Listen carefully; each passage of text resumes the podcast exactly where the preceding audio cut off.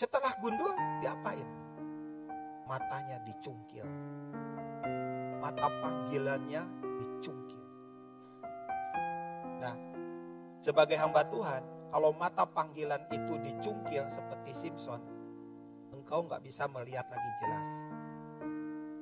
Nggak bisa melihat hati Tuhan lagi.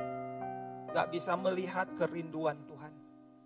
Kependetaan kita tetap, dalam struktur kita tetap, di sinode juga tetap, atau di dalam wilayah ini kita terkenal sebagai seorang pendeta, tapi di mata Tuhan, kehilangan mata panggilan itu kita nggak pernah bisa tahan terhadap tekanan pelayanan, nggak bisa tahan berada dalam hadirat Tuhan, nggak bisa tahan dalam semua lika-liku kehidupan keluarga.